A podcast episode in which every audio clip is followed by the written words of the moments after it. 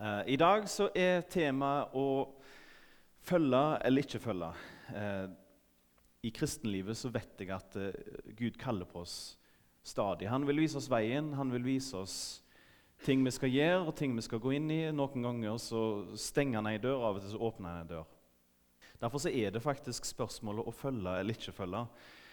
Fordi jeg vet av egen erfaring så er det fort gjort at vi kan bli stillestående. Det kan være at det er travelt på jobb, det kan være det travelt hjemme, det kan være det andre ting som tar oppmerksomheten. Kjekke ting. Jeg fikk eh, ei ny hytte, eller jeg fikk en ny hund, eller noe sånt. Og så går det veker, og så glemmer vi litt at det kanskje universets herre har et eller annet han vil si til meg og lede meg i.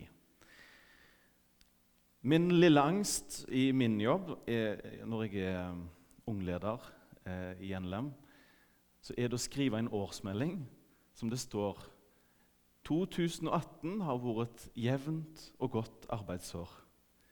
Er, det er vel og bra det da, at en har gjort det godt, på en måte, men jeg er redd for at jeg bare går på vanen. At jeg bare går på For det er dette jeg er vant med. Og så glemmer jeg kanskje ville Gud lede meg i et eller annet. Er det dette jeg skal bruke tida mi på, eller ikke? Så på en annen måte så er jeg redd for at jeg skal bli et sånt stillestående vann som til slutt får noe usunt i seg. Men det skal være friskt, det skal være av Herren, og jeg skal ikke leve på gamle opplevelser langt der bake. Men Herren har lyst å vise oss hver dag noe nytt. Eller lede oss, i alle fall. Det er litt sånn innledning. Jeg har bare lyst til å be, be videre eh, for møtet. Jesus, takk for at vi er samla her nå. Du ser de eh, tenåringene som er ute på tur, og du ser eh, barna på søndagsskolen og oss som er her. Jesus, jeg ber om at eh, du må tale til alle flokkene dine, uansett alder. Og så ber jeg om at du må lede oss, at vi våger alt for deg, at vi ikke blir stillestående og reserverte og lever på gammel føde men at vi i dag åpner hendene våre og spør hva vil du gi meg, og hvor vil du at jeg skal gå? I ditt navn, Jesus. Amen. Jeg, hadde, jeg begynte vel å jobbe i misjon i 2006. Og etter ett år og to og tre så var jeg med på Lundanes, jeg var med på leir, jeg var med på å starte et ungdomsarbeid. Og så var det en kveld jeg kjørte fra Ølensåg og hjem til Haugesund, og så var jeg litt trøtt. Og det var kjekt jeg holdt på med, men jeg begynte å bli sliten. Og så tenkte jeg åh, oh, for bare fire år siden kun fire år siden så hadde jeg bare meg sjøl å tenke på. Jeg kunne reise til Bergen om jeg ville det. Jeg husker jeg kunne reise til, til og med på harryhandel til Sverige når som helst. Det var en sånn uendelig frihet. Jeg måtte bare av og til jobbe og gå på skolen når jeg skulle, og gå i en eller annen bursdagsfeiring til bestemor. Det var liksom sånne ting jeg måtte gjøre, med ellers full frihet. Og så nå merker jeg jeg må alltid gi noe til andre i det forventningspress og sånn og sånn. Så fikk jeg en tanke. Det var mer luksus før. Er det dette livet her jeg vil ha?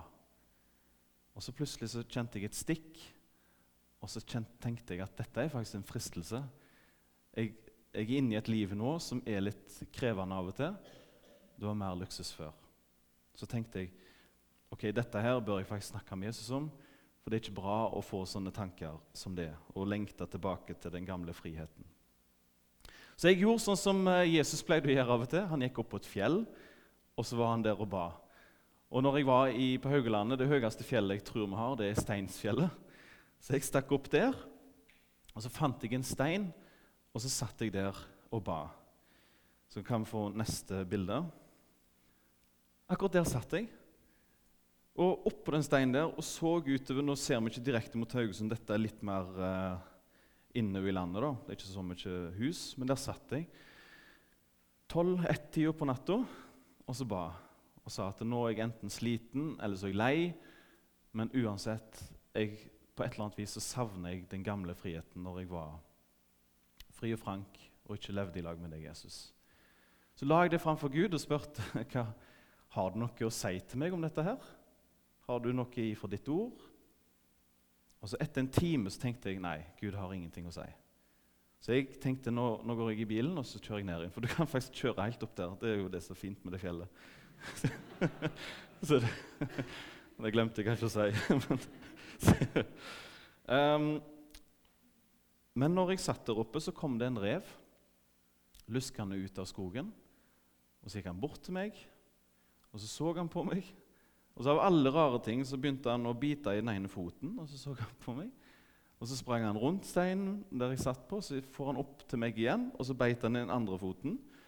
Og Så tenkte jeg sånn Kjære vene, hva er det Jeg har vært på revejakt før, og de er ganske sky.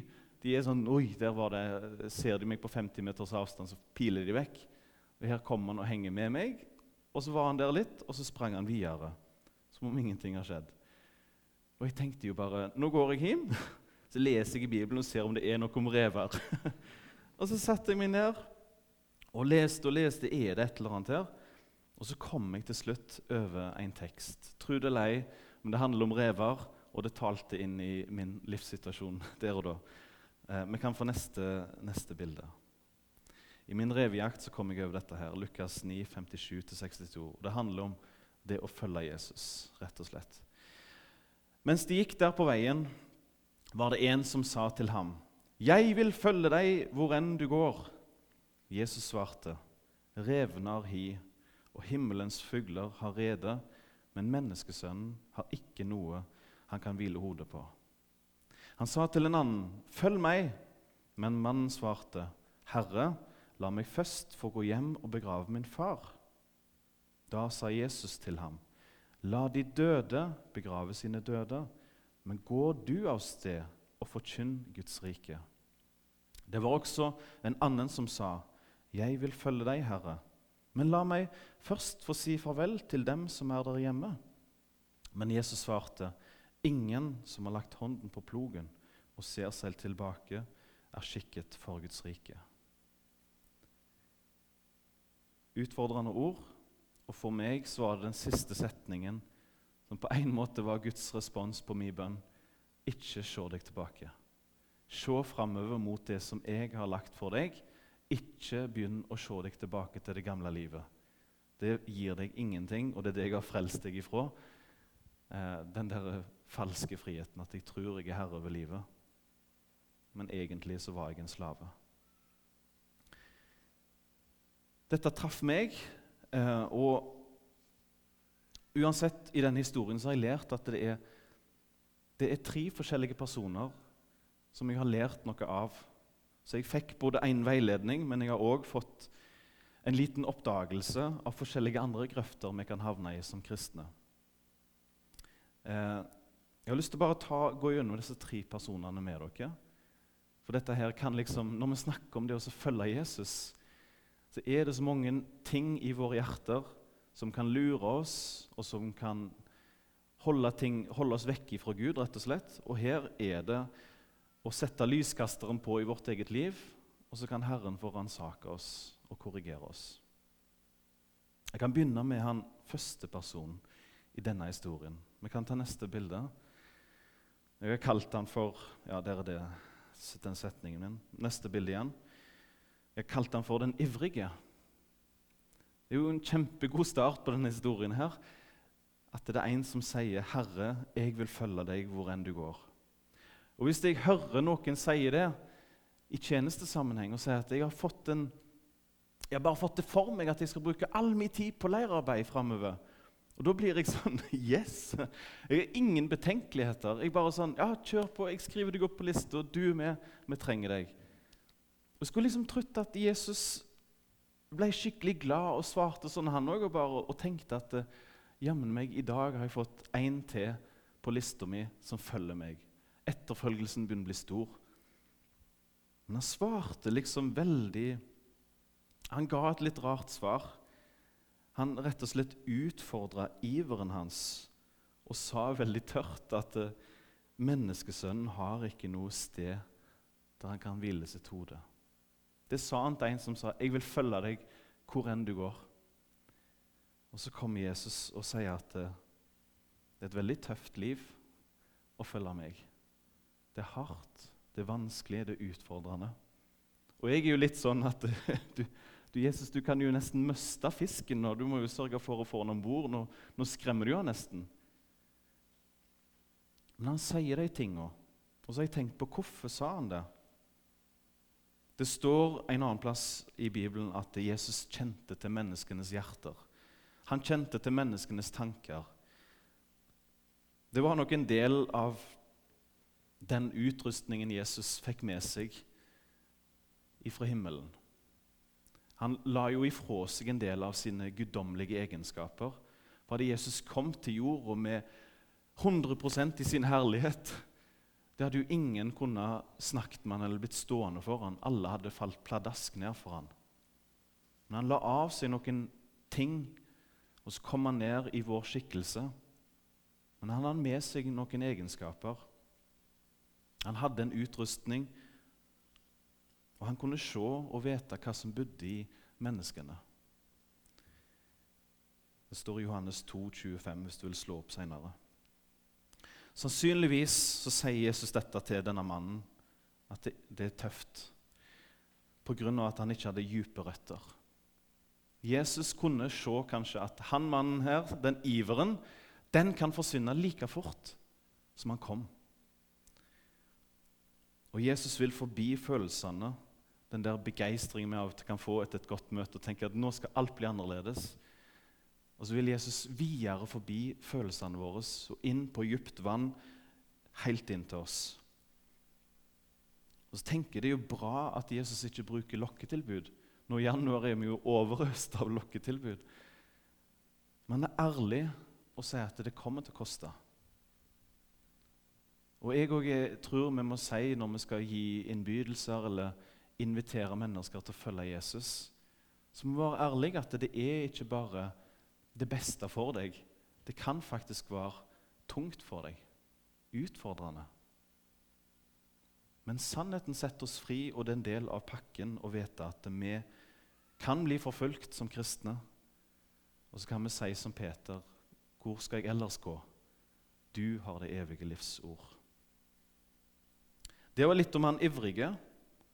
Jesus vil forbi følelsene og inn og forankre, grunnfeste oss hos seg. Vi kan ta neste. Den unnskyldende. Nå er det Jesus som spør, nå er det Jesus som tar initiativ og sier 'følg meg'.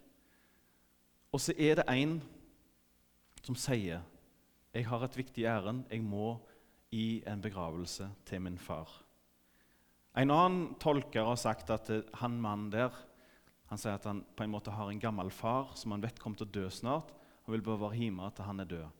Og Det er forskjellige tolkninger, men sannsynligvis så hadde han faktisk en far som hadde dødd, og nå måtte han begrave han. Og Så tenker jeg at Jesus kunne jo bare svart til han at ok, du har gyldig fravær. Gå hjem. Selvfølgelig må du gjøre dette. Vi tar det bare igjen. Men Jesus gjør ikke det.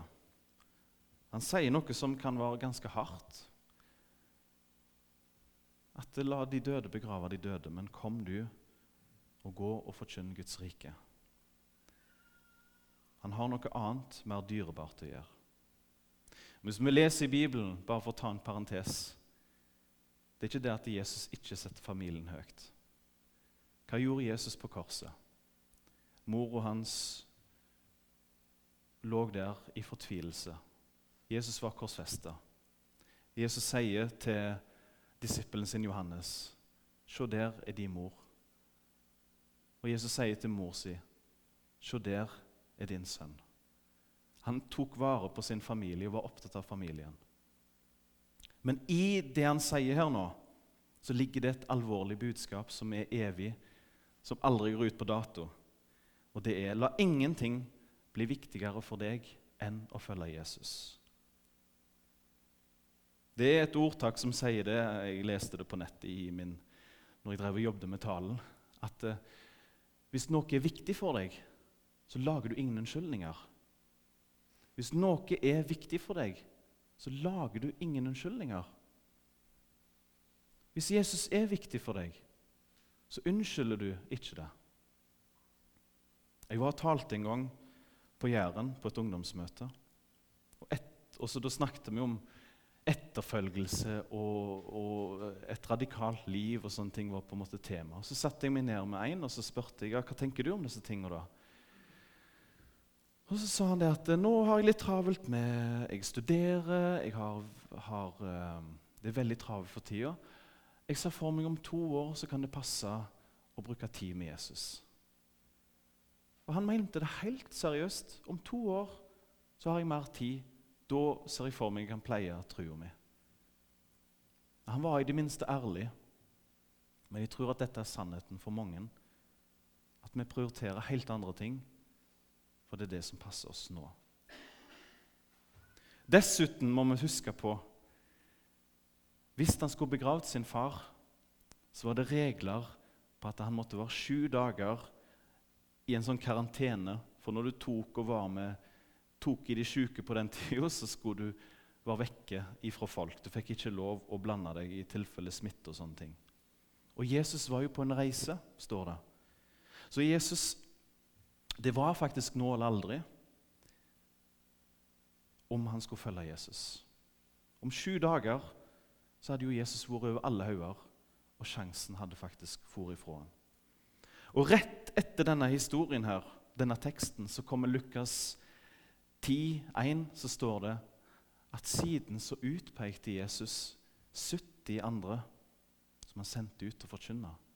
Og de kom tilbake med begeistring og sa at til og med demonene er lydige. De er lydige av oss når vi, når vi forkynner og virker.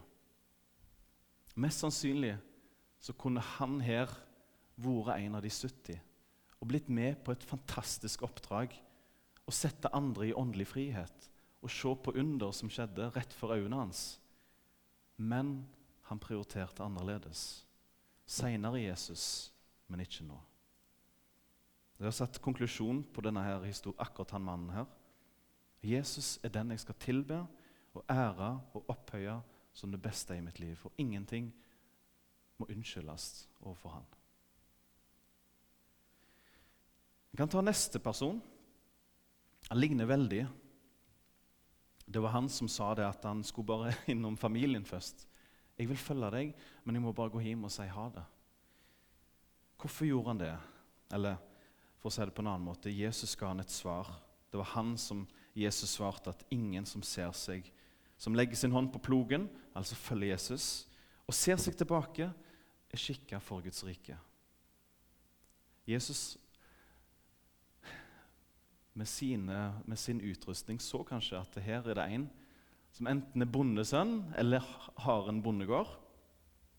Og Han ville bare hjem og muligens gi litt instrukser. At nå skal jeg på et lite oppdrag, folkens. Enten til far sin eller til sine tjenere.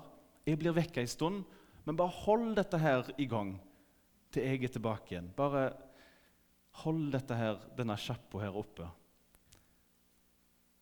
Muligens han ville helgardere seg i tilfelle dette med Jesus ikke var noe for ham. Så hadde han noe å falle tilbake til. Muligens er det derfor Jesus gir han det svaret. Og jeg vet det at det er mange som Jeg har vært ettåring, og jeg vet om mange andre ettåringer. Og så er det en ting som vi sier, men det, det, er egentlig veldig godt meint. Men hvis du tenker på det, så er det egentlig veldig rart å si det. Vi sier når vi skal være ett år og tjene i misjonen og få luselønn, sånn at vi akkurat får råd til visse ting, så sier vi at ja, det, jeg har lyst til å gi et år til, til Gud. sånn, ja, Hva skjer med alle de andre årene? Skal, skal, du ha deg, som får han ett år, og heldige Gud som fikk ett år av ditt liv? Muligens var det en sånn person vi hadde med å gjøre her. Jeg skal gi litt til Gud. Jeg skal ta og virkelig være med på en tur nå og gjøre noe. Men når alt kom til alt, så har jeg en business, og den vil jeg ivareta framfor alt. Ok, Hva kan vi lære av denne historien? her? I lignelsen om såmannen så advarer Jesus om tornene som kan kvele vårt gudsliv. Lukas 8,14 så står det bekymringer, rikdommer og livets lyst. Det kan kvele vårt liv i lag med Gud. Ting her på jord, rett og slett trenger ikke være veldig syndige ting, men bare ting som er kjekke for oss, som tar oppmerksomheten. Nå, i, nå har vi fått med Trin barn nå. Vi har fått uh, Junior ligger i den der uh, vogna der, en måned gammel. Og vi har det traveltimer, men utenom alt dette her, så har jeg faktisk bygd et hønsehus og fått tre høner. Og vi har hatt eh, vannkopper i hus, og vi har hatt det ene og det andre. men de hønene har jeg liksom fått til på et vis. da. Men jeg tenker ok, det Hadde jeg fortsatt å følge min hobbylyst For det er jo bare for gøy å ha de hønene. Det er jo ikke akkurat produksjon jeg tenker på. Det er bare, en, bare noe jeg har funnet på. um, men jeg kunne tenkt meg å kjøpe en amerikansk bil og fikse litt på den. Jeg kunne òg tenkt meg å begynne på pistolskyting. Jeg kunne òg faktisk tenkt meg å, å lant litt av og til. Det er ganske mange ting jeg har lyst til å gjøre. Men jeg vet det, at det da forsvinner mye av den tida og, og, slagkraften jeg har til å faktisk være med og bygge Guds rike. Hvis jeg er med på pistolskyting, så kan det faktisk være at jeg treffer en del folk jeg kan vitne for. Hvis er sånn, hvis du kan. Det høres litt fælt ut, men Men det er noe i det. Men så ta Herren med på råd. Skal jeg gjøre dette her, og at det kan ære ditt navn? Jeg tenker jo faktisk Når jeg har fått de høne, så kan jeg gå med de eggene til naboen. Vær så god, jeg har overskudd med egg, og så har jeg en drøs. Så jeg har faktisk tenkt litt at dette kan komme noe godt ut av sånn sett òg. Men hvis jeg bare slipper jeg tar inn kløtsjen og alt og bare lar ting flyte og gå uten å tenke hvordan bruker jeg livet mitt, så jeg er redd at Gud får smulene. Hva blir det igjen, egentlig? Og så står det noe om dette her. Hobbyer ja, det kan komme Guds rike til gode, men det er et uttrykk i Bibelen som er litt spesielt. Så lenge det skjer i Herren, står det en plass. Og Jakob skriver om Herren vil, så skal vi leve og gjøre det ene eller det andre. Så inkluder Gud i de små og store tinga. La han få lov å stoppe deg, eller la han få lov å velsigne deg. Er du med? Han kan faktisk få muligheten, og bør få muligheten til å stoppe deg. Og han burde i hvert fall få muligheten også til å velsigne deg. Men legg det framfor han. Så konklusjonen er det er veldig mye gull og glitter på denne jorda som kan ødelegge for oss. Men vi kan lære av Moses i Hebreerne 11 så står det 26. Moses han holdt Kristi vanære for en større rikdom enn skatten i Egypt, for han så fram mot lønn. Han så lengre enn dette livet. Han så hva som var i vente. Vi kan ta neste bilde. Nå, har, nå er jo temaet Salme 37,5. Legg din vei i Herrens hånd, stol på Han, Han skal gjøre det. Det verset er det veldig mange som har et forhold til, men det har ikke jeg. Jeg har, jeg har hørt det verset mange ganger. Ja, det er fint, det. Men det er et annet vers som jeg har forhold til. Og Det står i Salomos ordspråk. Det er, det er faktisk en krysshenvisning i Bibelen òg, så det står henvist til Salme 37 i det verset. Men dette er blitt mitt sånn Salme 37,5, hvis du skjønner. Overgi dine planer til Herren. Her er en liten erfaring som jeg har. Når jeg hadde akkurat begynt i misjonen, så tenkte jeg dette er bare ett år, og så går jeg tilbake til det gamle. Han som står på det bildet der, det er min bestefar. Det var før den industrielle revolusjonen, så de drev på med skinn for hånd. eh, og vi har et graveri hjemme i dag som er det eneste i landet med mange ansatte og masse skinn og greier. Og Bestefar min sa til meg at eh, du skal få en så stor del av bedriften, og du skal være med på sånn og sånn. Og han skulle liksom, Nå har han gitt alle arbeid, sa han, og nå skal han gi meg arbeid. Så han hadde en plan der. Og jeg tenkte ja, supert, veldig spennende. Jeg har ett år i misjon, og så kommer jeg tilbake inn, og så er det business. Og så tenkte jeg må jo ha en plass å bo, så jeg gikk opp i skogen når jeg var sånn 23-24 år. Så gikk jeg opp i skogen, hogde ned og så var det planen at det der som jeg har adda inn et hus Der skulle huset mitt være. Alt var planlagt. Bedrifts- og jobb og hus og alt var planlagt.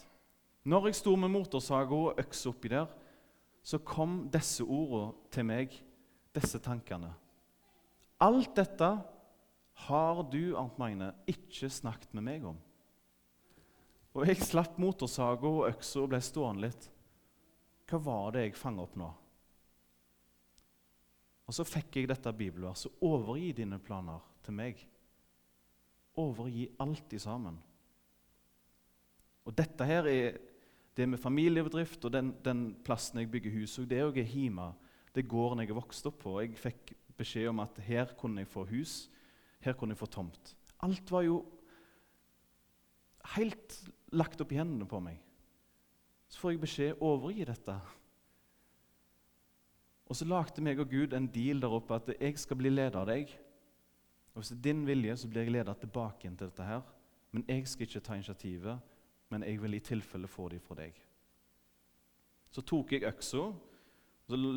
Det er helt teit, men jeg, jeg så for meg alle mine planer. Alt jeg var knytt til. Så tok jeg øksa og smukte ned på hoggestabben. Så tenkte jeg nå har jeg en gang for alle løst meg ifra alle forpliktelser. Nå vil jeg høre hva Gud vil. Og så gikk jeg ned ifra skogen der og tenkte nå ser jeg hva som skjer. Og Etter ett år i misjon så spurte de videre meg vil du fortsette. Og jeg merka i mitt hjerte at jeg ville fortsette. Og Uansett hva du skal, du må bli leder av Herren, om du jobber i misjon eller du er maler eller hva som helst. Du har en vei som Gud vil lede deg på. Og når jeg innså til slutt at det tar mange år før jeg eventuelt skal bli businessman, og jeg gikk til bestefar min og sa det at eh, Beklager, men vi må avlyse planene om bedrift og alt sammen. Og jeg så det på han var lei seg, men han aksepterte det. Det var sikkert fordi det var misjon eller noe, men, det, men han aksepterte det. Men det er det jeg har tatt farvel til. Men det kan være jeg blir leder tilbake igjen til det. Men poenget er det samme for oss alle, at la Herren lede deg. Spør Han om der du er nå, er der du skal være. Vi synger en sang som kan være litt misvisende. Eh, et eller annet sånt 'Herre, vis oss meningen med at vi bor der vi bor'. Men jeg skulle likt at det sto i den sangen òg at eh, 'vis meg om det er i hele tatt her jeg skal bo'.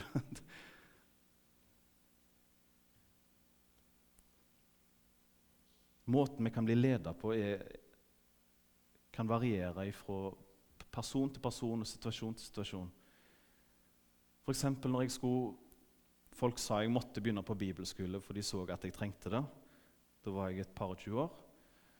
Og jeg bare tenkte bibelskole er for pyser. Det er bare sånn strikkegreier, og det er bare du sitter i ro. og Det går bare ikke. Så jeg nekta. Jeg ville ikke det. Jeg skulle hjem.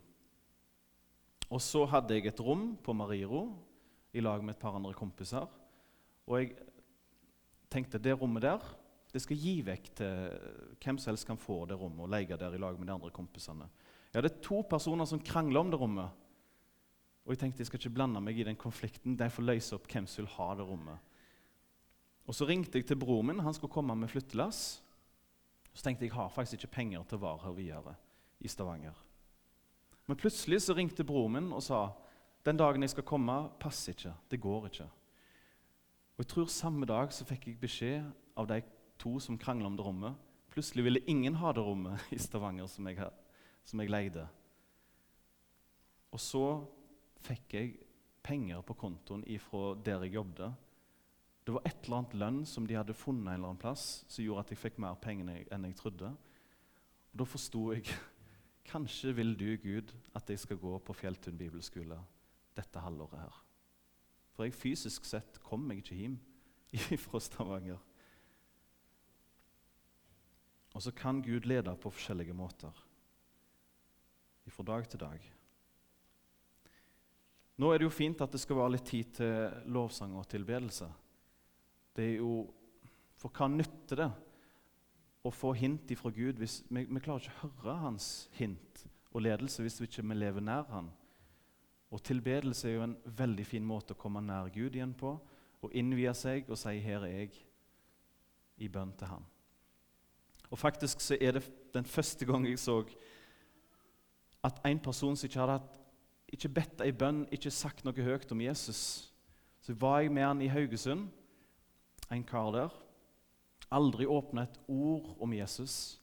Men han var på møter gang etter gang. Og så var det gjennom lovsang jeg så at han første gang reiste seg med tårer i øynene.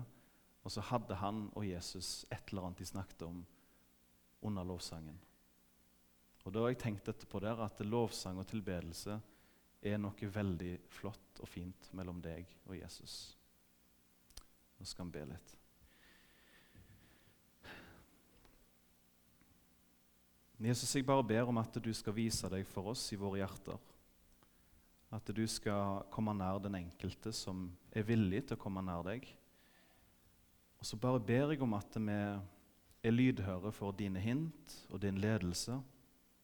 At du må veilede oss i vårt trosliv, ransake oss og irettesette oss om vi trenger det.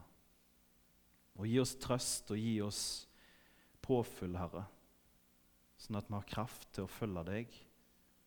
At ikke vi går tomme og ser oss tilbake og snur hodet. Men jeg ber om at vi får se opp til deg nå, at du får tale til oss gjennom sang og tilbedelse.